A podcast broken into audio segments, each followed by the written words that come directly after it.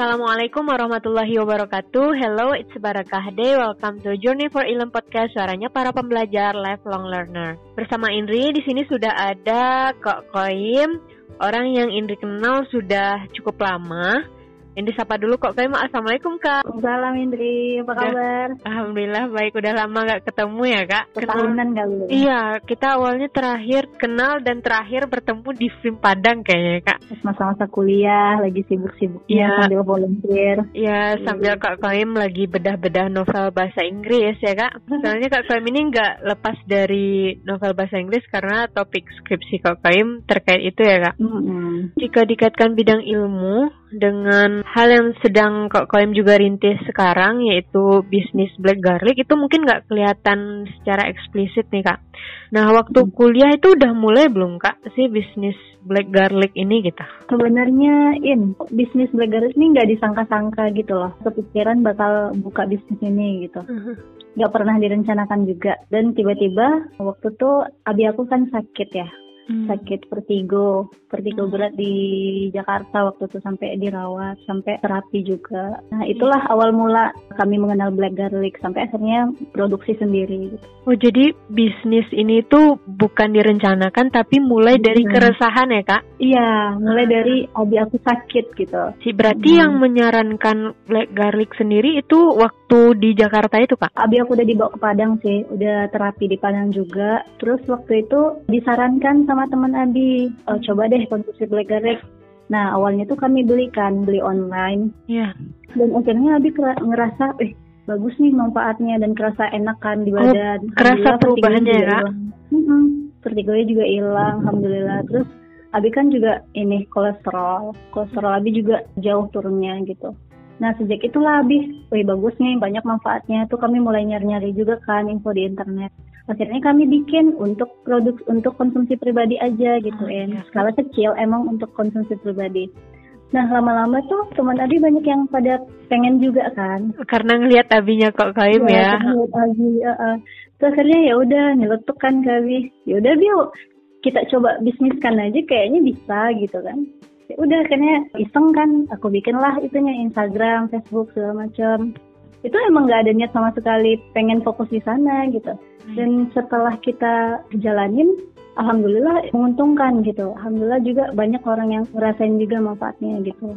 Nah bawang hitam hmm. ini atau black garlic ini apa bedanya sama bawang putih apakah dia sama-sama musuhnya bawang merah atau gimana ya? Jadi bawang bawang hitam ini dia itu uh, hasil fermentasi dari bawang putih. Jadi hmm. bahan mentahnya itu dari bawang putih setelah bawang putih itu difermentasikan selama kurang lebih dua minggu, hmm. itu bawangnya berubah jadi hitam dan rasanya pun jauh beda dari bawang putih gitu. Rasanya lebih manis, terus dia itu agak lembut gitu teksturnya in, asam-asamnya dikit oh, gitu.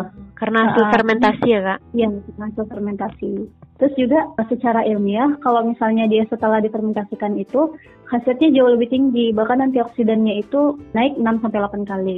Dan dia tidak boleh bawang putih sembarangan ya kak? Sebenarnya dia bisa bisa aja pakai bawang putih yang siungan itu. Cuman kan yang lebih dikenal sebagai obat itu yang bawang putih tunggal. Oh, iya, iya, Tapi betul. banyak juga kok yang yang pakai bawang putih siungan dan itu kayaknya masih bisa gitu.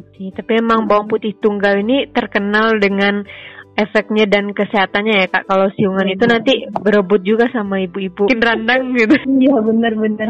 Satu nah, lagi ini sih harganya lebih mahal sih kalau bawang iya putih betul putih tunggal itu harganya lebih mahal karena mungkin nilai khasiatnya itu ya kak. Iya. nah mereknya kan black garlic kitty. Ah kitty. Iya, eh iya, gimana iya. nih bacanya kak? Terus kita. ada kepanjangan? Oh kita. Kepanjangannya tuh ya, oh filosofinya tuh kita, kita. Uh, nama Black Garlic sendiri itu tiba-tiba aja gitu kan pas aku bikin face bikin Instagram uh, aku tanya ke Abi Bi namanya apa nih bagus Abi aku mikir kan kayak tiba-tiba aja bilang black garlic kita gitu. Jadi uh, kita nih sama-sama konsumsi black garlic. Mungkin itu iya, secara ya, kita ini sama filosofinya ya. Kita sama-sama ngerasain manfaatnya gitu loh. Terus hmm. berarti kok Koim sepenuhnya yang bikin logonya dan sebagainya gitu ya kak? Dan itu emang dari awal kami emang dari yang biasa aja kemasannya. Logo dulu emang aku coba desain sendiri. Yeah. Ternyata kayaknya aku nggak terlalu bisa nih bikin desain. Akhirnya minta tolong abang abang juga kayak kurang bagus akhirnya minta tolong sama yang emang expert di situ gitu tapi emang bertahap gitu okay. makanya kalau dilihat di Instagramnya pas awal-awal posting tuh produknya masih yang biasa banget Malah dulu kami untuk nyegelnya itu cuma pakai selotip gitu. Karena itu tuh nggak tahu kalau ada uh, plastik shrink yang buat uh, mensegel botol kayak gitu. Nggak tahu di mana belinya kayak gitulah. Habis itu juga nggak expect bakal bisa besar kayak gini gitu. Sebenarnya belum besar juga sih, tapi alhamdulillah lah gitu. Expect bakal bisa seluas ini gitu. Iya, packagingnya juga sekarang itu tahan banting ya kak, dibuat untuk bisa uh. pengiriman lebih jauh gitu kayak. Ini iya. lihat distribusi black garlic kita ini udah eh kita karena dia kita ya, ya kita, udah iya, sampai iya. timur bahkan UK ya kak. Iya. Nah iya, iya. boleh nih kak di spill gimana strategi pengembangan black garlic kita ini yang awalnya itu baru dimulai gitu dari keluarga sampai eksistensinya sekarang gitu. Kalau misalnya cerita lagi itu kan belajar itu dari tahun 2018 akhir.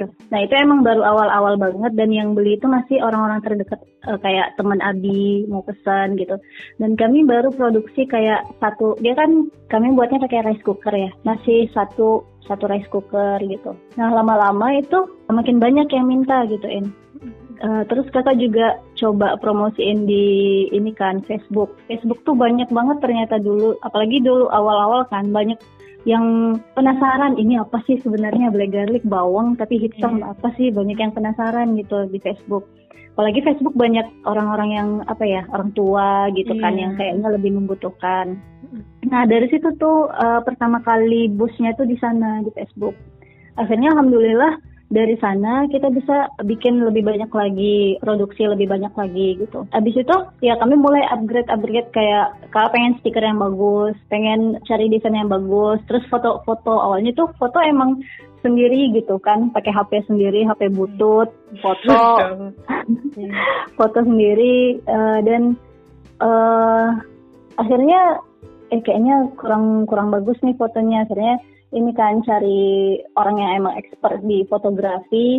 Itu juga temannya abang juga kalau nggak salah yang bantuin foto-foto. Ya pokoknya emang merintisnya tuh perlahan-perlahan gitu loh Ian. Gak yang langsung bus gitu. Terus kami juga dulu sering pakai ini Facebook Ads sama Instagram Ads. Oh, iya, itu nah, lagi benar-benar ngaruh ya katanya kak? Iya, benar ngaruh. Apalagi pas zaman itu 2018-2019 itu lagi naik-naiknya Instagram. Apalagi yang pakai-pakai Ads itu emang cepet gitu. Nah dari sana mulai banyak orang yang tahu, banyak yang nanya-nanya gitu. Karena udah mulai banyak yang nanya, mulai banyak pengiriman kita harus mengupgrade juga kan.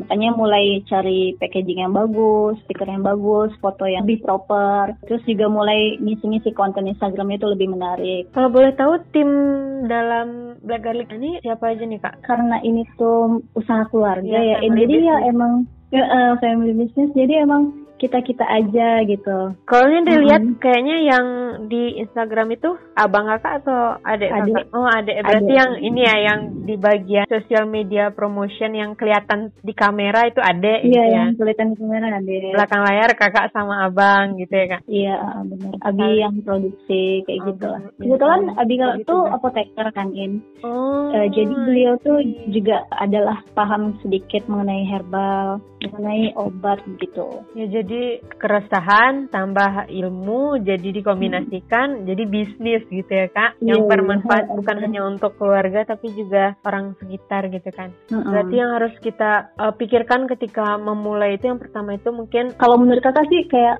mulai aja gitu mulai aja gitu ya kak beranikan hmm. diri kayak gitu.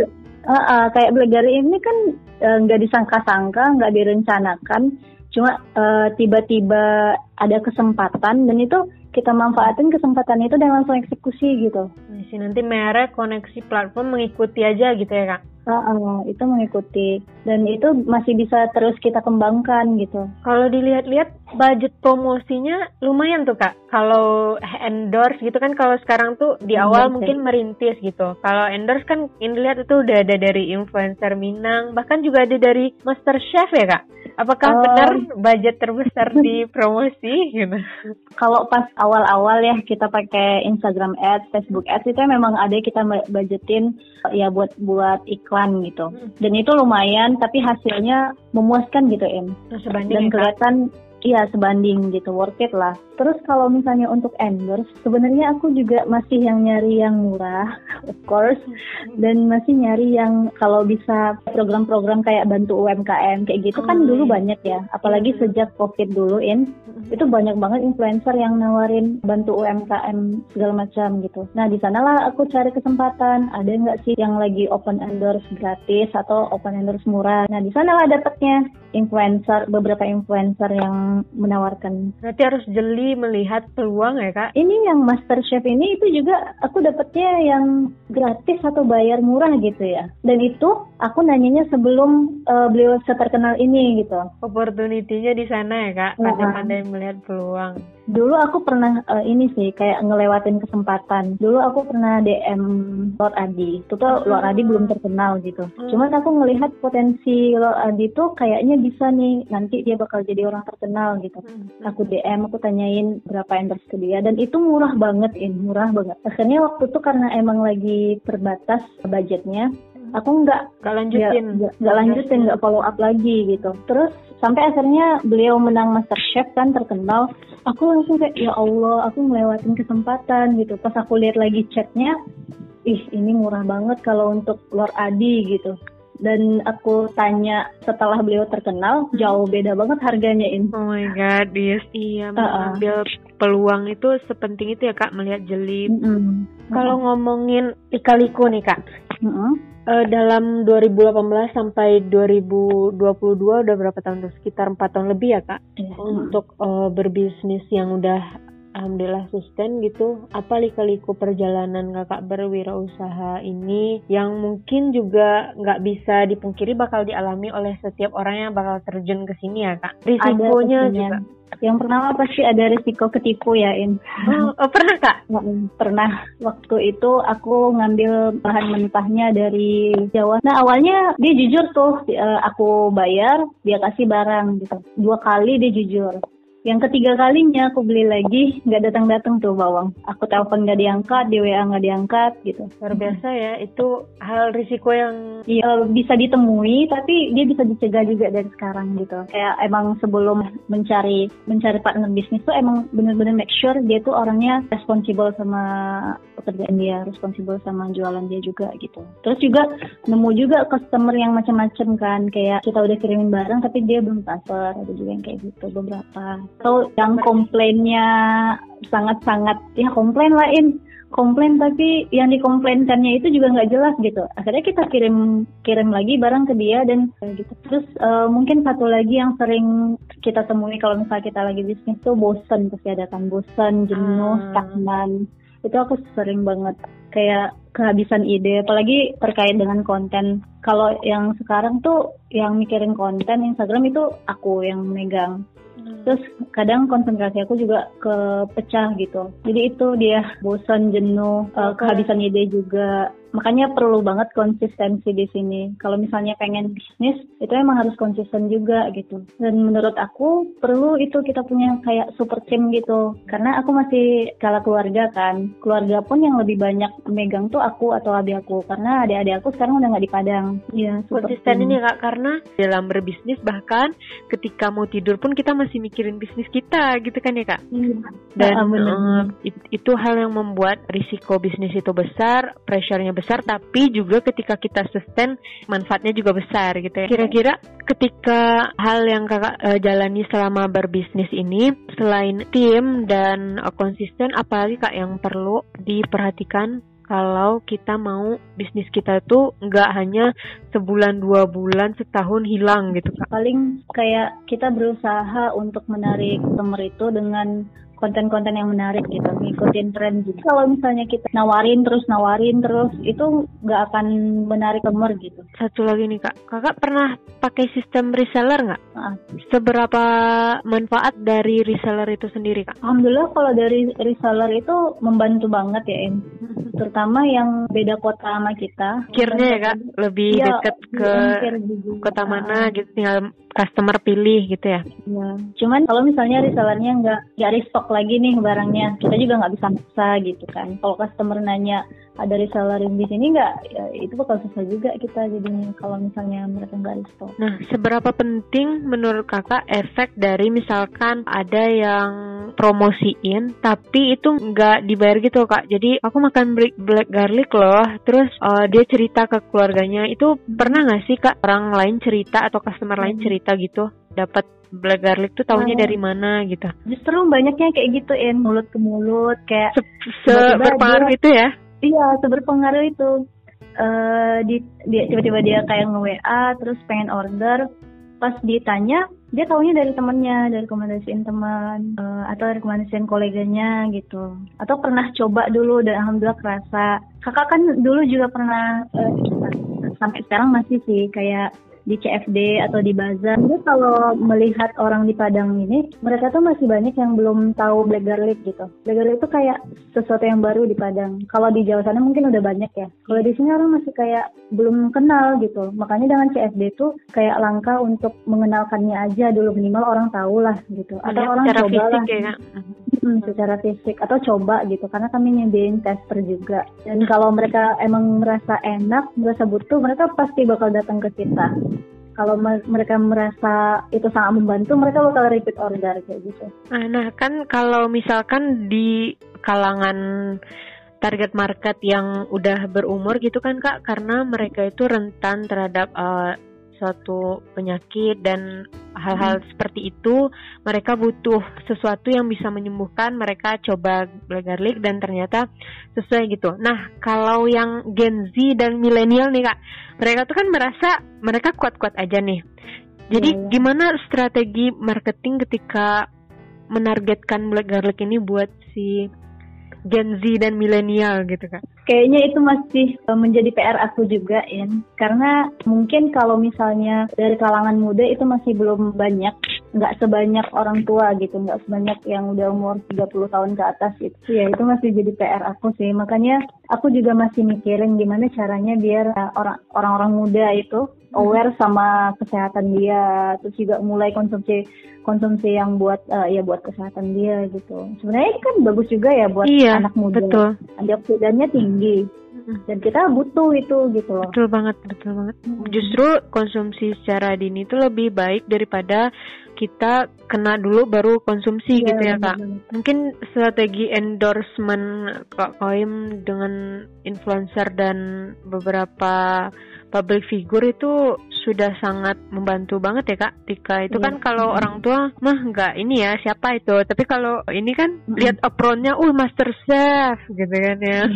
Langsung eh cobalah. Juga aku kayak ya mencoba memasuk masukkan aja gitu disambung sambungkan aja kayak anak muda kan suka ngopi ya tonton dibarengin sama kopi kayaknya bagus juga. Atau adik aku nih yang jadi aktornya gitu. ini lihat tuh dia makan ramen. Ya kan? Black iya, konsumsi black garlic bisa dimakan uh, langsung bisa dimakan menggunakan iya, makan sambil makan ramen gitu kan ya? Iya, karena sebenarnya kalau orang luar negeri itu itu udah makanan biasa sama mereka gitu mereka malah ngejadiin itu kayak Cemilan. pendamping makan mereka makanan hmm. atau malah mereka jadiin kayak pasta selai segala macam udah biasa. Saking mereka merasakan manfaat dari bawang putih itu ya kak? Karena kita tahu dari dulu tuh bawang putih emang bermanfaat kan dari zaman zaman nenek nenek kalau kalau orang Minang tentu enggak ya kak? Tentu enggak iya hmm. kita emang emang dijadiin obat kan obat utama gitu apa apa bawang putih bawang putih. Malah yang palasi palasi itu pun pakai bawang putih, bawang putih ya? gitu. Padahal bisa berpengaruh itu putih gitu ya kan itu Masya Allah luar biasa. Jadi ketika kita mau memulai sebuah bisnis ya jawabannya ada di kata pertanyaan itu ya kak. Mulai berarti ya kak dan beranikan hmm. diri untuk memulai. Mulai, mulai aja dulu.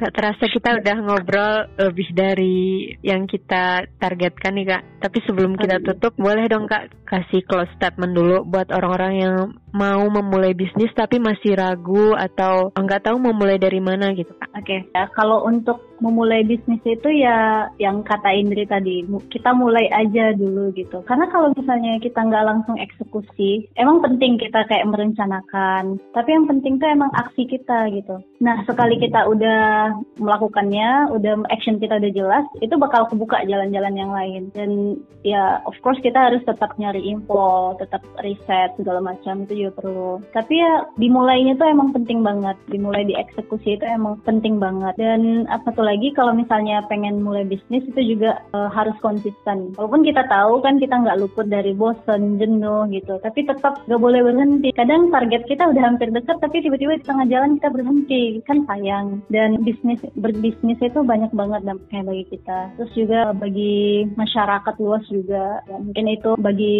yang lagi pengen memulai bisnis semangat. Karena bisnis emang nggak mudah, tapi insya Allah bisa gitu. Semua orang punya potensi untuk itu. Masya Allah luar biasa. Jangan takut untuk memulai bisnis ya kak. Iya jangan takut. Barakallah Fik Kak Kaim terima kasih sudah main ke podcast Journey for Ilm nih. Semoga nanti kita bisa ketemu ya kak. Terus Kak Kaim okay. juga targetnya dilancarkan. Sukses untuk uh, Black Garlic Kitty nya kita Black Amin. Garlic kita.